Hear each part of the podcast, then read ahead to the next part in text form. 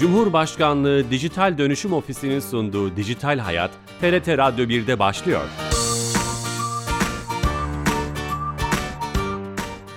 Herkese merhaba, ben Bilal Eren. Teknoloji ve dijitalleşmenin hayatlarımızı etkilerini ele aldığımız Dijital Hayat programımıza hoş geldiniz. Her cuma saat 15.30'da TRT İstanbul Radyo stüdyolarından kulaklarınıza misafir olmaya devam ediyoruz. Bugün önemli bir konuyu konuşalım istiyoruz. İnternetin en temel kurallarından biri olan ağ tarafsızlığı yani internete eşit erişim hakkını ve günümüzde bu hakkın ne kadar sağlanıp sağlanmadığını çok değerli bir konukla konuşacağız. Konuğumuz dijital iletişim uzmanı Özgür Kurtuluş olacak. Kendisi Ankara'dan telefonla canlı yayınımıza bağlanacak. Ama öncesinde her hafta olduğu gibi kamunun tüm hizmetlerini dijitalleştirerek bizlere sunan Dijital Türkiye ekibinden Fatih Çiçek'e bağlanacağız ve hayatımızı kolaylaştıran bir servisi kendisinden dinleyeceğiz. Fatih Bey. Ee, merhabalar Bilal Bey, iyi yayınlar diliyorum. Teşekkür ederiz, hoş geldiniz yayınımıza. Sağ olun, teşekkür ediyorum. Bu hafta hangi servis hizmeti bize anlatacaksınız? Ee, Bilal Bey, bu hafta açmış olduğumuz yeni bir hizmetten bahsetmek istiyorum. Lütfen. Gençlik ve Spor Bakanlığı Yüksek Öğrenim Kurulu YK'nın e, Kredi Yurtlar Genel Müdürlüğü tarafından alınmış olan burs kredi başvuru sonuçları bildiğiniz üzere açıklandı bu hafta. Hı hı. Bu sonuçları E-Devlet Kapısı üzerinden ilk defa bu sene E-Devlet Kapısı'ndan da bu sonuçlar açıklanmaya başladı. Öğrenciler, yüksek öğrenim gören öğrenciler sonuçlarını e, sorgulayabilirler. Eğer e, kredi ya da burs e, kazanımı söz konusu ise yine E-Devlet Kapısı'nda taahhütname onay hizmetimizi kullanarak e, taahhütname onaylayarak kredi ve burs başvurularını e, tamamen online ortamda E-Devlet Kapısı'ndan güvenli bir şekilde sonuçlandırabilirler. Hı hı. Başvuruları da artık buradan yapabiliyoruz E-Devlet kapısı Evet, üzerinden. Evet hem sonucunu sorgulayıp başvuru yapıp sonucunu sorgulayıp taahhütnameyi doldurup uçtan uca bir online bir hizmet sunulmuş oluyor böylece. Tam internetin ruhuna uygun olmuş. Ellerinize emeklerinize sağlık. Çok teşekkür ediyorum. İyi yayınlar diliyorum. Çok teşekkür ederiz. Sağ olun. Dijital Türkiye ekibinden Fatih Çiçek'te yepyeni bir hizmeti dinlemiş olduk. Yeni katılan dinleyicilerimiz vardır. Ağ tarafsızlığı, internete eti eşit erişim olarak tanımlanan ağ tarafsızlığını konuşacağız. Telefon hattımızda dijital iletişim uzmanı Özgür Kurtuluş Bey var. Özgür Bey, Ha, merhabalar. hoş geldiniz yayınımıza. Hoş bulduk. Nasılsınız? Sağlığınız, keyfiniz? Ee, iyiyim sağ olun. Siz nasılsınız? Sağ olun. Çok teşekkür ederiz. Ee, böyle bir açılış yaptık ama sizden dinleyelim tam tanımını. Ağ tarafsızlığı nedir? İlkeleri nedir? Felsefesi nedir? Ee, yani ağ tarafsızlığından bahsetmeden önce isterseniz internetin nasıl bir yapısı olduğunu kısaca anlatayım e, dinleyiciler için. Tamam. Ee, internet e, aslına bakarsanız hani sanal e, deniyor ama aslında tamamen fiziksel bir yapı. Yani tüm veriler, e, tüm web siteleri ve veri merkezleri denilen e, sunucular üzerinden hizmet veren devasa disklere kayıtlı e, yerlerde e, bütün veriler. E, bu veri merkezleri de birbirine kablolarla bağlı, bakır ve fiber optik kablolarla bağlı. Biz bir web sitesine gitmek istediğimizde işte adresi yazıyoruz. Bu adres internet servis sağlayıcısı yani internet için ücret ödediğimiz e, ağlara e, gidiyor. Onlar da bize- bu veri merkezlerine bize ulaştırıyor ve bir cevap aldıkları zaman bize geri e, bu verileri iletiyor ve karşımızda web sitesini görüyoruz. Yani aslına bakarsanız e, oldukça fiziksel bir mesele var. E, işte ağ tarafsızlığı da tam bu noktada önemli. Çünkü bu e, internet servis sağlayıcıları e, bütün web sitelerine eşit davranmayabiliyorlar. Yani bütün web sitelerini aynı hızda, e, aynı e, kalitede, aynı veri kalitesinde bize iletmeyebiliyorlar. E, internetin ilk dönemlerinde yani 90'lı yılların başında bu internetin kurucuları dediğimiz e, işte Tim Berners-Lee gibi e, HTTP protokolünü e, mucidi bir takım ilkeler koydu ortaya. İnternetin herkes tarafından erişilebilir olması e, de kolayca erişilebilir olması için bu ağ tarafsızlığı da bu ilkelerden bir tanesiydi. Yani veri merkezleri ve internet servis sağlayıcıları bütün web sitelerine eşit e, davranmaları anlamını taşıyor ağ tarafsızlığı. Yani hiçbir web sitesine daha hızlı ya da daha yavaş e, kullanıcıya ulaştırmamalı. Hepsini eşit hızda ulaştırmamalarına dayalı bir ilkeydi ağ tarafı. İlkeydi e, diyorum çünkü aslında e, 2017 yılından beri bu ağ tarafsızlığının uygulandığını görmüyoruz. E, bu, bu tartışmalar özellikle Amerika Birleşik Devletleri'nde çünkü Amerika Birleşik Devletleri küresel olarak internete e, hükmedebildiği için genel olarak altyapı anlamında e, bu tartışma aslında oralarda e, daha çok yapıldı. 2015 yılında internet servis sağlayıcıları şunu dediler. Biz A tarafsızlığı istemiyoruz. E, bu çok saçma. İşte çeşitli örneğin suç içeren web siteleri var. İşte hukuk dışına çıkan web siteleri var. Yani bunlara da mı A tarafsızlığı gibi bir e, ne diyelim bahaneyle e, işte lobicilik faaliyetleri yaptılar ve bu konuyu gündeme taşıdılar. A tarafsızlığının ortadan kaldırılmasını istediler. Burası çok E, önemli. Obama- hükümetinin e, karşı çıkmasıyla ve büyük bir toplumsal e, muhalefetle e, bu reddedildi. Yani A tarafsız devam etti. Ancak Trump seçildikten hemen sonra 2017 yılında e, tekrar gündeme geldi ve işte Amerikan Federal İletişim Komisyonu e, tarafından e, ki 5 kişilik bir komisyon bu. 2'ye 3 oyla A tarafsızlığı e, kaldırıldı ve a, internet servis sağlayıcıları artık e, web siteleri arasında e, hız anlamında e, bir ayrım yapabilmeye başladılar. Burada şey Ee, burada e, Özgür Bey, e, şeyi sormak istiyorum. E, Burada karşı çıkanların ve savunanların argümanlarını soracaktım. Aslında oraya da giriş yapmış olduk. Hani bu bilgiye özgür ve eşit erişim e, şeklindeki prensip e, e, 90'lı yıllar ve 2000'li yılların başında nispeten korunmaya çalışmış gördüğüm kadarıyla. E, Ama bunu savunanlar olduğu kadar karşı çıkanlar da olduğunu söylediniz ve karşı çıkanların argümanlarının suç sitelerinin veya işte illegal e, yayın yanı içerik üreten sitelerin e, onların da bu haktan yararlanıp yararlanmayacağı üzerine. Doğru mu anlıyorum? Karşı çıkanların argümanı bu mu? Ya aslında işin ekonomik bir boyutu var. Yani bu internet servis sağlayıcılar şunu istediler. Biz ürünlerimizi çeşitlendirmek istiyoruz. Yani hani daha fazla e, para verene işte daha hızlı. E, zaten öyle ama bunu e, içerik anlamında yapmak istiyoruz. Şimdi mesela hani bir örnek vermek gerekirse e, A tarafı ortadan kalktıktan sonra en büyük etkiyi şeyde gördük ilk olarak. Mesela Netflix e, de gördük. Bu bir yani daha doğrusu video e, streaming platformlarında gördük. Çünkü çok fazla veriye ihtiyacı olan platformlar bunlar. İşte Netflix ne yaptı? Gitti Amerika'daki internet servis sağlayıcılarla anlaşmalar yaptı.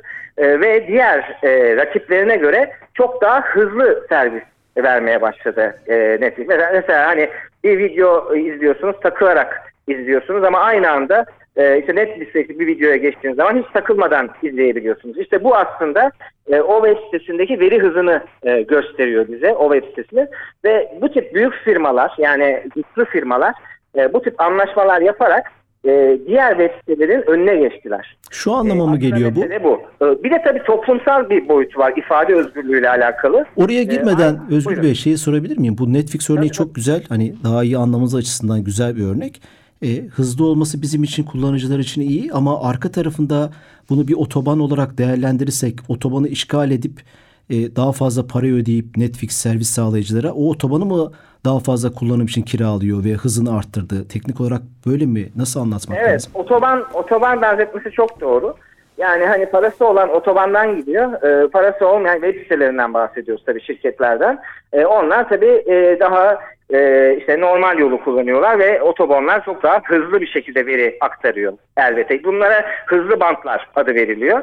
E, bu hızlı bantları kullanarak e, kullanıcıya daha fazla veriyi daha hızlı bir şekilde aktarabiliyorlar. Bu tabii büyük bir avantaj sağlıyor diğer web siteleri önünde onların. Ve bunların giderek e, içerik anlamında ve kullanıcı sayısı anlamında tekelleşmelerine doğru bir e, yol açıyor. E, yani diğer rakiplerini kolaylıkla elimine etmelerine ve e, piyasaya hakim olmalarını sağlıyor aslına bakarsanız. Yani büyük şirketler o yüzden mi A tarafsızlığı ilkesine karşı çıktılar veya ar- argümanlardan bir tanesi buydu. Doğru argüman bunu doğru anlamış olduk değil mi? E, A tarafında karşı çıkan şirketler aslında içerik şirketleriydi. Yani daha doğrusu bunu Google ve Facebook e, A tarafsızına şey pardon A tarafını destekliyorlardı. Ama tabii A tarafına karşı çıkan yani bunun Amerika'da e, ortadan kaldırılmasının ön ayak olanlar özellikle internet servis sağlayıcı şirketler. Yani hani bizim bildiğimiz e, Türkiye'den örnek vermek gerekirse işte TürkSat, e, şey e, TTNet, e, işte Turkcell Süper Online gibi şirketler Amerika'daki karşılıkları bunların Verizon gibi mesela e, bunlar önce oldular A tarafsızlığının kaldırılmasına. Bu, bu aslında verdikleri servislerin ücretlerini arttırmak için yaptılar bunu. Otobanları büyük şirketlere kiralayabilmek için çok güzel aslında örnekle de kafamızda oturmuş oldu. Ee, ama işte enteresan da bir konuşma var. Onu ben e, aslında paylaşmak isterim. Sizin de fikrinizi almak isterim. 7 Şubat 2006'da Google Başkan Yardımcısı kongrede diyor ki geniş bant taşıyıcılarının yani işte sizin söylediğiniz şekilde e, servis sağlayıcılarının insanların ne gördüklerini ve çevrim içi ne yapmak istediklerini kontrol etmelerine izin vermemiz internetin temel ruhunu çökertecektir diyor. 2006'daki kongredeki konuşmasında aslında o, o temel ruh şu an çökertilmiş gibi ve bizzat belki kendi şirketi de bunu yapmış oldu. E, burada bir çelişki var sanırım. Evet tabii 2017'den sonra işte bu Amerika'da A tarafının ortadan kaldırılmasıyla beraber e, aslında bu dönem bitti. Yani mesela bugün de birçok e, şirketin Türkiye'de de işte e, bir içerik platformunu öne çıkaran paketleri olduğunu görüyoruz. İşte bilmem işte Netflix ismini andık. Netflix paketi var örneğin. E, siz bu Netflix paketini aldığınız zaman e, Netflix'e veri için ücret ödemiyorsunuz. Yani diğer web sitelerine giderken ödüyorsunuz ama Netflix'te ödemiyorsunuz. E, ne oluyor o zaman? Siz Netflix kullanıcısı oluyorsunuz artık e, e, daha uygun fiyatlı olduğu için. Hı hı. E, ve diğer bütün içerik platform Netflix'in rakiplerini elimine etmiş oluyorsunuz e, bu paketi kullanarak. Yani bu tip e, tekerleşmeye yönelik e, bu tabii Netflix'te bu e, firmalara yani bu internet servis sağlayıcılarına çok büyük ücretler veriyor bunu yapması için. E, dolayısıyla pazarda e, kendi başı tek başına e, domine etmeyi başarıyor. Yani bu tip ilişkiler kurarak. İşte A tarafsızlığı bunların önüne geçiyordu. Hı E, bu tip e, angajmanların önüne geçiyordu fakat ortadan kalktı. Dediğiniz şeye tekrar geri dönmek istiyorum. Bu internetin ilk dönemlerinde e, yani internet işte gayri merkezi bir yapı, kontrol edilemez bir yapı, e, insanların kolayca etkileşime girdiği bir yapı olarak e, yani ön plana çıkarıyordu. İşte daha demokratik, Eşit. daha katılımcı, daha şeffaf, daha e, fikir özgürlüğünün olduğu bir ortam olarak öne çıkarılıyordu ve A tarafsızlığı da bunun en büyük güvencelerinden bir tanesiydi. Hı hı. E, A tarafsızlığının ortadan kalkmasıyla beraber e, tabii böyle bir güvenceden de e, yoksun kaldı kullanıcılar ve aslına bakarsanız bir takım büyük e, şirketlerin yönlendirmesiyle e, belli web sitelerine e, girmeye başladılar. Yani hani aslında seçeneklerimiz e, giderek azaldı ve hızla burada önemli bir faktör olarak öne çıktı. E tabi internetin ilk dönemlerinde şöyle fikirler de vardı. Yani hep olumlu senaryolar yoktu. İşte diyorlardı ki işte devletler bireyleri daha fazla kontrol edebilir internetle e, ya da işte zaten katılıma isteksiz olan insanlar bu kontrolden ürkerek daha da kendi kabuklarına çekilebilir ya da şirketler e, burada bir burayı bir manipülasyon alanı olarak kullanabilirler e, e, büyük güçlerini kullanarak e, böyle eleştiriler vardı. Biz daha çok bu kötümser senaryoların e, gerçekleştiğini gördük aslına bakarsanız son 30 senede. Evet ben o ne oldu kısmına gelmeden önce çok güzel hem çerçeveyi çizdik bir örnekle hem A tarafında karşı çıkanları ve savunanların argümanlarını da e, güzelce anlattık. Bu kronoloji çok kıymetli. Orayı ben yarıda kesmiştim. 2015'te e, bir karşı çıkış oldu ama Obama hükümetinin burada e, duruşuyla beraber o istekleri gerçekleşmedi anladığım kadarıyla. Yani 2015'e evet. kadar 2015'teki A tarafını kaldıralım hareketi başarılı olmadı. Fakat sonra şey dediniz 2017'de Federal e, İletişim Kurumu Amerika'daki e, Trump hükümeti zamanında bunu kabul etmiş oldu. Bu kronoloji çok kıymetli. 2017 ve 2015 arasında neler oldu? Evet. Temel olarak aslında Obama hükümetiyle Trump hükümeti arasındaki e, fark diyebiliriz yani o iki seneye. Hı hı. E, tabii o dönemde e, şeyler de çok büyük destek. Örneğin mesela hatırlayan olur işte bazı web siteleri 2015 yılında e, karartmıştı e, şeylerini, ekranlarını bir günlüğüne. Protesto amaçlı mı? Protesto. Bu ağ tarafsızlığının kaldırılmasını protesto etmek için güçlü bir toplumsal destek vardı. Ama 2017'de e, işler değişti açıkçası. Zaten hani 2016 bence e, yani internet açısından tam bir dönüm noktası oldu 2016'da e, olanlar diyelim. Hı hı. Yani, peki peki evet. şey, burada şu soru akla gelebilir haklı olarak.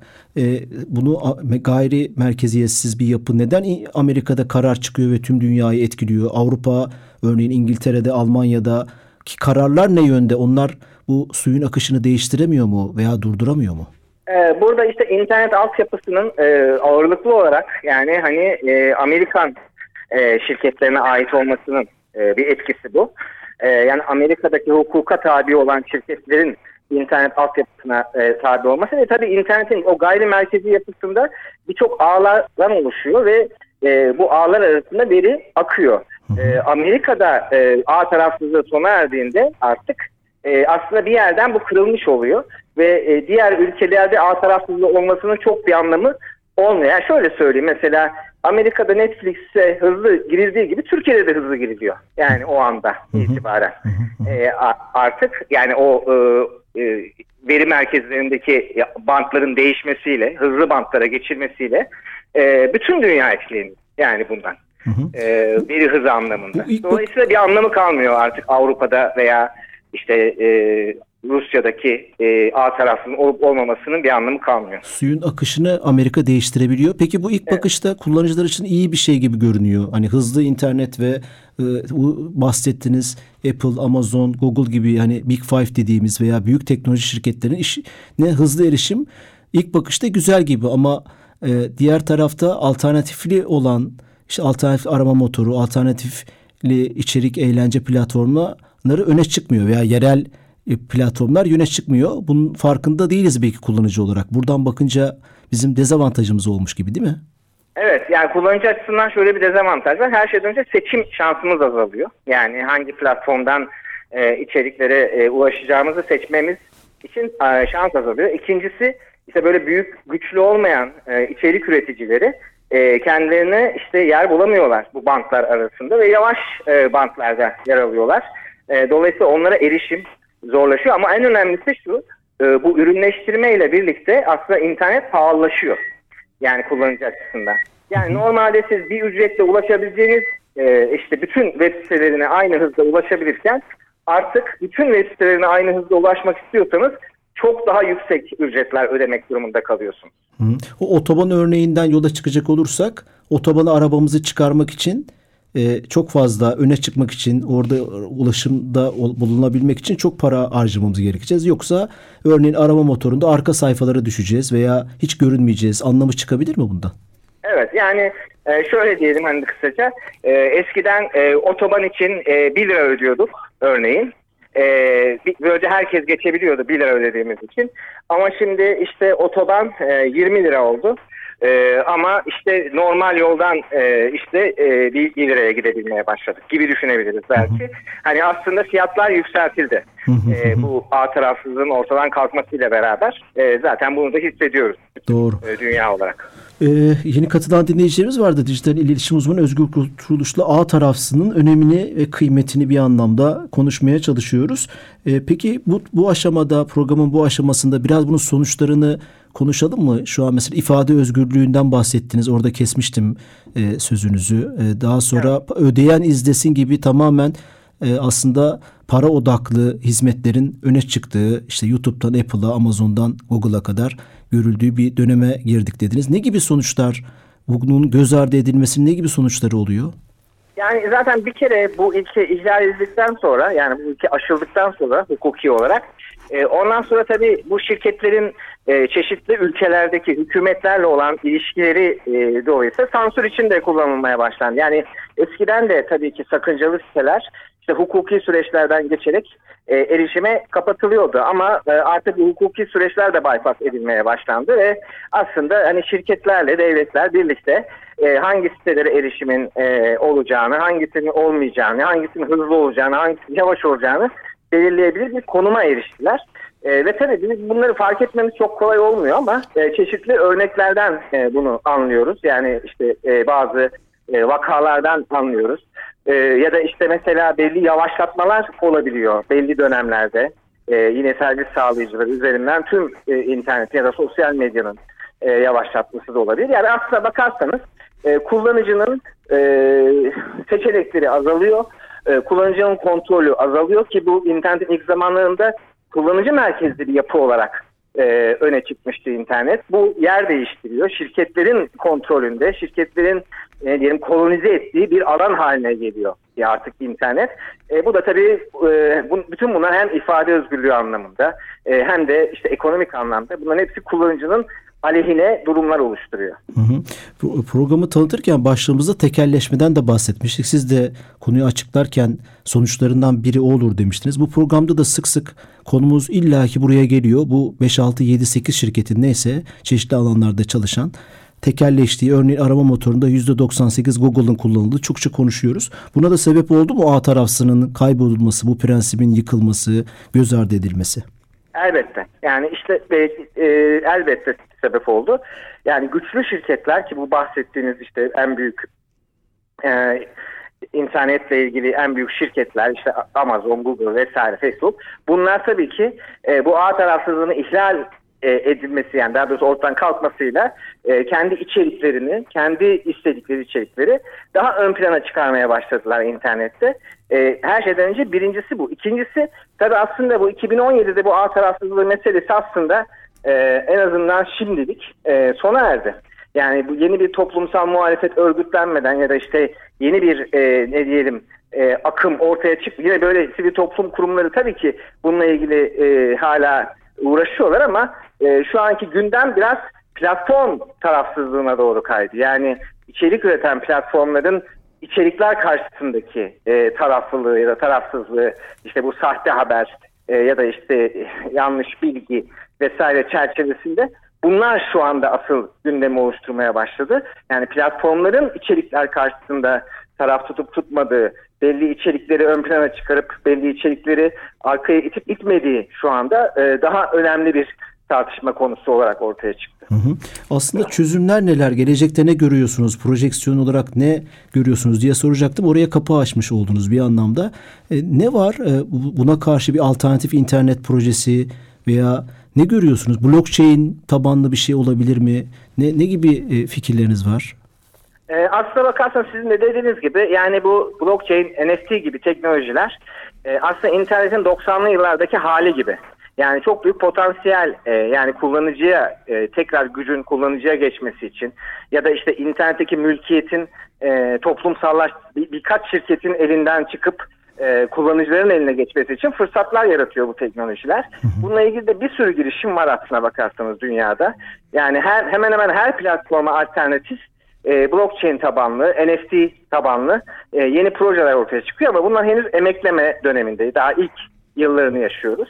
E, gelecekte kullanıcıların sahip olduğu platformlar, kullanıcıların sahip olduğu e, çeşitli yapıların ortaya e, çıkma potansiyeli var. Ama elbette bunların hepsi yani karşımızda şöyle diyelim hani kullanıcılar olarak karşımızda ejderhalar var. Yani çok büyük çok şirketler zor. var. Çok büyük lobi gücü olan, e, maddi gücü olan şirketler var. Dolayısıyla hani bunlarla bir mücadele olacak gibi görünüyor. E, bu mücadelede de en büyük e, güç işte bu blockchain, NFT gibi e, dağıtık veri tabanları e, olacaktır diye görüyorum ben de. Peki toplum bu konuda bir farkındalığı var mı dünyada, Türkiye'de, Amerika'da sivil toplumun hani bu bu çok can yakıcı ve aslında bence en önemli sorunlardan biri bir gözüküyor. Eşit erişememe e, e bilgiye e, toplumsal bir farkındalık var mı dünyada yükselen veya bu konuda hareketler var mı? E, aslına bakarsanız zaten e, yani hani internete üç tane temel yaklaşım var. Daha şirket merkezli bakan e, ABD, daha toplum merkezli bakan Avrupa Birliği ve daha devlet merkezli bakan Çin. E, üç akım var diyelim. E, burada AB aslında umut vaat ediyor. Daha kullanıcı merkezli e, düzenlemeler yaparak, e, daha o tarafta e, durarak. E, hani ben Avrupa'dan bu anlamda özellikle bu e, blockchain, NFT gibi projelerle bir alternatif yaratabileceğini düşünüyorum Amerika şirketlerinin karşısında. ee, ama tabii bu zaman alacaktır ve oldukça da zor olacaktır e, bu süreç. Yani kolay değil.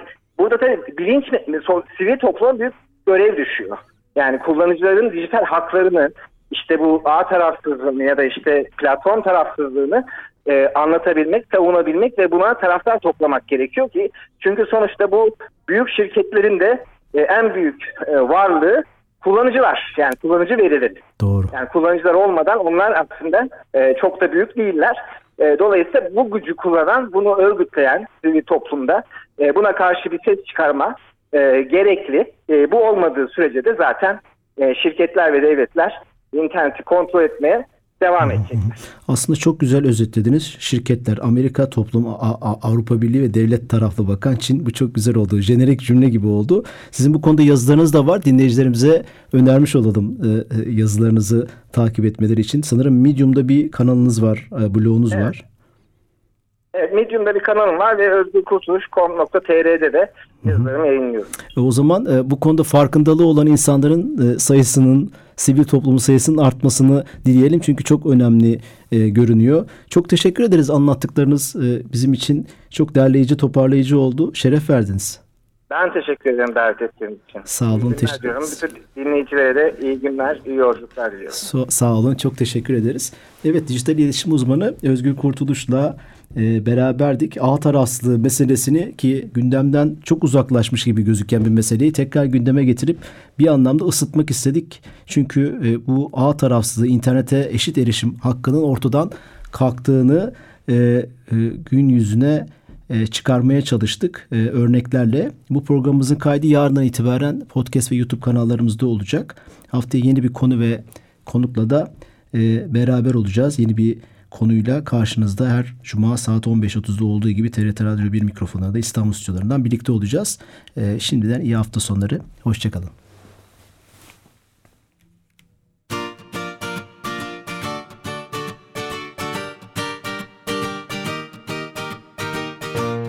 Cumhurbaşkanlığı Dijital Dönüşüm Ofisi'nin sunduğu Dijital Hayat, TRT Radyo 1'de sona erdi.